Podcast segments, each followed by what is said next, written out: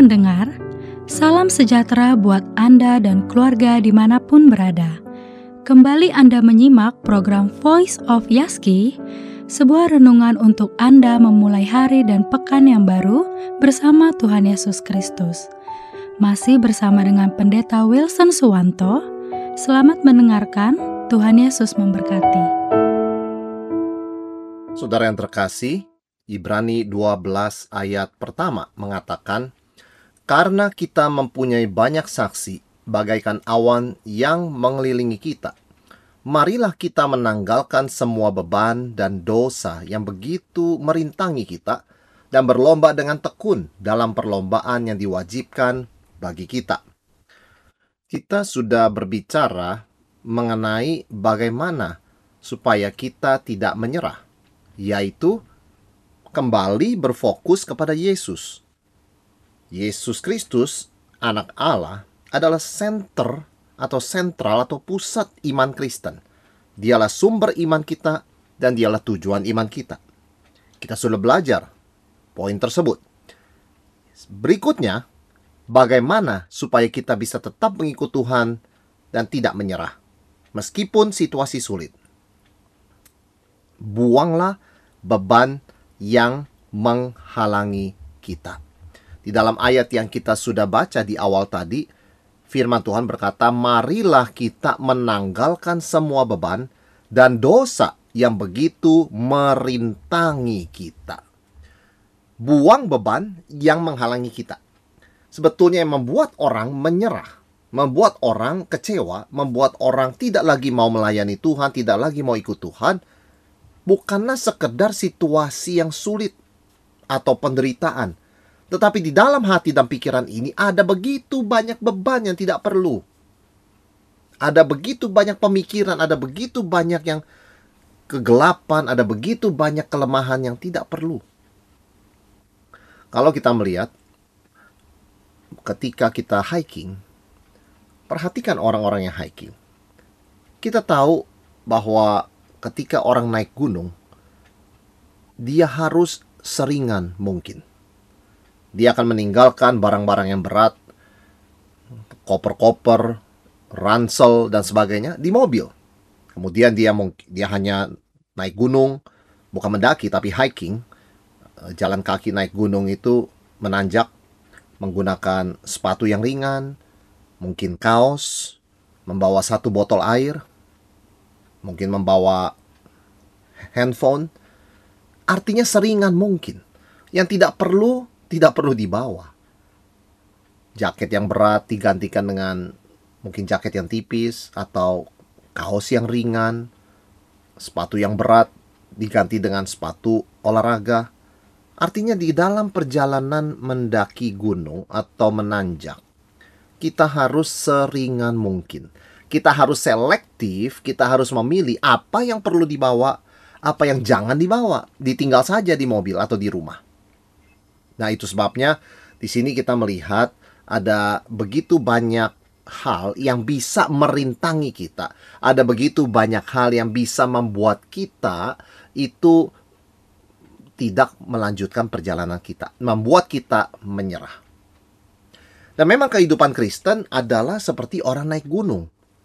Di dalam Ibrani 12 ayat 18 dikatakan sebab kamu tidak datang kepada gunung yang dapat disentuh dan api yang menyala-nyala kepada kekelaman, kegelapan dan angin badai. Tetapi kamu sudah datang ke Bukit Sion, ke kota Allah yang hidup, Yerusalem sorgawi, dan kepada beribu-ribu malaikat, suatu kumpulan yang meriah. Ya memang penulis Ibrani, firman Tuhan itu menggambarkan perjalanan kita mengikut Yesus, perjalanan naik gunung. Kita menuju ke Bukit Sion. Kita menuju ke kota Allah. Jelas perjalanannya tidak ringan. Jelas perjalanannya memerlukan tenaga. Dan karena itu, kita tidak boleh membawa beban yang tidak perlu. Kita harus berani membuang beban, bahkan dosa. Karena di kota Allah yang kudus itu di surga, di Yerusalem, sorgawi tidak ada dosa. Dan karena itu kita belajar dari dunia ini. dari sejak kita di dalam dunia ini untuk menseleksi mana yang bisa mendorong, membantu kita menuju Yerusalem sorgawi dan mana yang menghalangi kita. Karena itulah perjalanan kita mengikut Tuhan Yesus. Semakin dekat dengan Yerusalem sorgawi, semakin perlu kita selektif. Apa saja yang boleh kita bawa dan apa yang harus kita tinggalkan dan tanggalkan. Di dalam satu kantor ada perlombaan. Siapa karyawan yang bisa menguruskan badannya atau menurunkan berat badannya, maka dia akan mendapat hadiah. Apa yang terjadi? Para karyawan berlomba-lomba hidup makan dengan tepat. Mereka tidak makan berlebihan supaya tidak menambah berat badan yang tidak perlu. Mereka makan secukupnya, makan yang wajar, makan yang sehat. Sangat berbeda sekali. Ketika ada hadiah yang dijanjikan, orang langsung menyadari bahwa kita tidak bisa makan yang kita mau. Kita harus memilih dan akhirnya memang lomba ini tujuannya baik, yaitu untuk mengajarkan tentang kesehatan. Pilihlah apa yang kita makan. Jangan semuanya dicoba dan dimakan. Karena banyak hal yang tidak perlu untuk badan kita, kita makan. Demikian pula dalam hidup kita. Kalau kita rela membuang beban yang tidak perlu, membuang beban yang menghalangi kita, maka tentu perjalanan kita terasa lebih ringan.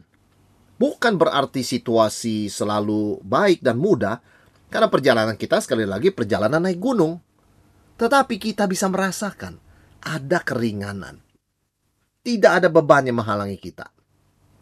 Dan selama ini yang menghalangi perjalanan kita mengikut Tuhan dan termasuk menghalangi berkat-berkat Tuhan bagi kita adalah beban-beban yang tidak perlu sebenarnya. Tidak perlu kita pikul. Contohnya apa? Seperti Misalnya yang pertama, kebiasaan-kebiasaan lama yang tidak baik dan tidak sehat. Contoh suka menunda, suka tidak menepati janji, susah menerima koreksi dan masukan karena harga diri yang terlalu tinggi dan merasa dirinya itu tidak ada kelemahan. Nah, ini menghalangi kita mengikut Tuhan. Kebiasaan tidak baik ini. Suka menunda. Ini bukan sekedar kebiasaan tidak baik yang tidak ada dampak ini juga bisa berdampak di dalam kita mengikut Tuhan, dalam kita melayani Dia. Bayangkan ketika kita dipercayakan pelayanan, kita tidak persiapan, yang kita lakukan adalah menunda persiapan sampai pada harinya kita tidak bisa melayani dengan optimal karena tidak persiapan dan kita tidak menjadi berkat yang maksimal. Atau tidak menepati janji, bagaimana kita bisa menjadi saksi Tuhan ketika perkataan kita pun tidak bisa dipegang dan dipercaya oleh orang. Nah ini adalah beban-beban yang harus rela kita tanggalkan. Kalau orang suka menunda, itu beban kemalasan. Beban menganggap enteng. Buang itu. Kalau tidak menepati janji, sering tidak menepati janji, itu beban kelalaian. Buang. Kalau susah menerima koreksi, itu beban pride, kesombongan. Buang itu. Karena ketika kita berani let go, kita berani menanggalkan semua itu, kita bisa merasakan mengikut Tuhan itu ada kekuatan yang memampukan kita sehingga perjalanan ini terasa lebih ringan. Bahkan kita bisa merasakan dan menghargai berkat-berkat Tuhan yang mengalir. Yang tadi adalah kita bicara mengenai kebiasaan lama yang tidak baik. Yang kedua, apa beban-beban yang harus kita tanggalkan, kita buang? Berhala-berhala yang tersembunyi. Berhala bukan sekedar patung-patung atau ilah-ilah lain yang kita sembah dan sujud kepadanya, kita berbicara mengenai hal-hal sehari-hari yang baik dan tidak ada masalah, tidak ada unsur tidak baiknya sama sekali. Tetapi mengambil tempat Tuhan. Apa pun termasuk hal yang baik. Kalau sudah mengambil tempat Tuhan, lebih penting, lebih kita pentingkan daripada Tuhan, maka secara fungsi hal itu sudah jadi berhala. Kalau kita diberkati Tuhan dengan sebuah perusahaan yang besar, dan kalau kita mengutamakan perusahaan itu lebih dari Tuhan, pekerjaan itu lebih dari Tuhan, dan kalau sukacita kita datangnya dari performance perusahaan itu atau pekerjaan kita, maka sebetulnya pekerjaan kita atau usaha kita itu sudah mengambil tempat Tuhan. Dan secara fungsi, pekerjaan dan usaha kita sudah jadi berhala. Dan itu harus ditanggalkan. Bukan artinya berhenti bekerja, bukan berarti ya berhenti berusaha, tetapi hati kita harus rela melepaskan posisi nomor satu yang diduduki oleh kegiatan kita bekerja dan kegiatan kita berusaha. Kita belajar untuk mendapatkan sukacita dari janji Tuhan sendiri. Bukan dari keuntungan besar hasil usaha kita atau hasil pekerjaan kita yang baik. Memang semua hal itu kalau orang usahanya berhasil, mendapatkan untung, lalu pekerjaannya juga mendapatkan uh, hasil yang baik, bahkan mendapatkan promosi, itu adalah sesuatu yang kita syukuri. Tapi itu bukanlah sumber sukacita kita. Sumber sukacita kita yang betul-betul memuaskan hati kita paling dalam adalah Tuhan. Dan ketika Tuhan tidak lagi menjadi sumber sukacita kita, maka apa pun yang mengambil tempat Tuhan itu adalah berhala. Uang baik tapi bisa menjadi berhala. Hobi itu baik tapi bisa jadi berhala. Kesibukan itu baik, tetapi bisa jadi berhala. Dan sebagainya. Kalau sampai orang tidak bisa bersuka cita, sama sekali, karena satu dan lain hal, kita perlu bertanya, apa dan siapa Tuhan kita? Itu sebabnya ketika firman Tuhan mengatakan, buanglah segala beban yang merintangi kita, maksudnya salah satunya adalah buanglah berhala-berhala yang tersembunyi. Sekali lagi, berhala-berhala ini tidak nyata, secara kasat mata. Berhala-berhala ini juga bukanlah berupa patung dan bukanlah berupa hal yang buruk atau melanggar firman Tuhan. Berhala-berhala ini sangat-sangat kelihatan baik, namun dia telah secara perlahan mengambil tempat Tuhan. Itu sebabnya disebut berhala yang tersembunyi. Calvin, John Calvin pernah mengatakan, hati manusia berdosa itu adalah pabrik berhala kita bisa membuat apa pun di dalam dunia ini yang baik sekalipun dari Tuhan menjadi berhala kita. Nah, karena itu kita perlu membuang ini. Dan apalagi yang kita perlu buang di dalam perjalanan kita mengikut Tuhan? Kita perlu membuang kepahitan dan masal dan beban masa lalu. Ketika kita masih menyimpan dendam dan kemarahan terhadap orang yang melukai kita di masa lalu, beban ini yang menggerogoti stamina rohani kita sampai kita berhenti berlari dan menyerah. Sama seperti orang mau hiking tadi, kita harus selektif, kita harus pilih-pilih mana yang harus ditanggalkan, mana yang boleh dibawa. Dan beban apa yang selama ini menghalangi kita? Seringkali adalah kepahitan. Ada orang yang melukai kita, merugikan kita, mengecewakan kita di masa lalu, menyebabkan hidup kita itu berubah. Nah, kita sering kali pahit memikirkan hal seperti itu. Dan karena itu ada kepahitan, ada beban masa lalu, marilah kita tanggalkan. Marilah kita lepaskan itu. Marilah kita mengampuni orang yang bersalah kepada kita. Menyerahkannya kepada Tuhan. Dan berdoa baginya.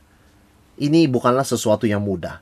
Tetapi betapa tidak mudahnya kita mengikut Tuhan dengan membawa beban betapa lebih ringannya perjalanan kita mengikut Tuhan kalau kita rela menanggalkan, melepaskan dosa, beban, kepahitan, dan sebagainya.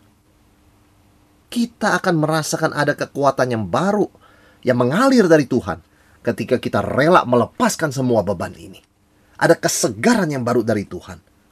Karena kita tahu selama ini yang menggerogoti kekuatan dan semangat kita mengikut Tuhan adalah berhala-berhala dan beban-beban tadi.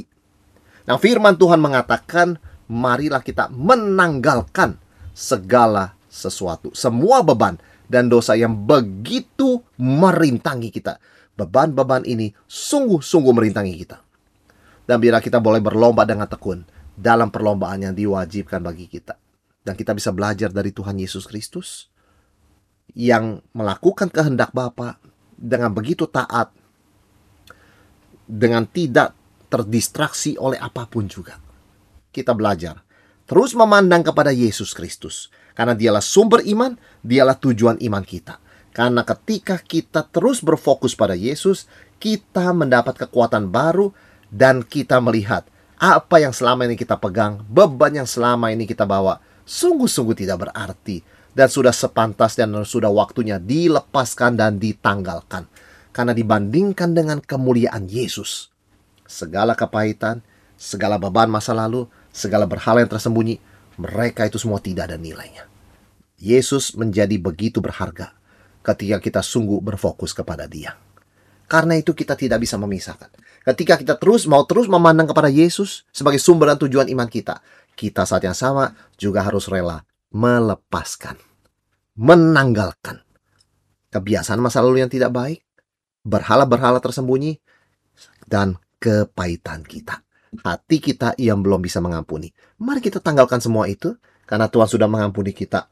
Biar kita boleh tetap berjalan, mendaki bersama dengan Tuhan sampai kita tiba di Yerusalem sorgawi, kota Allah.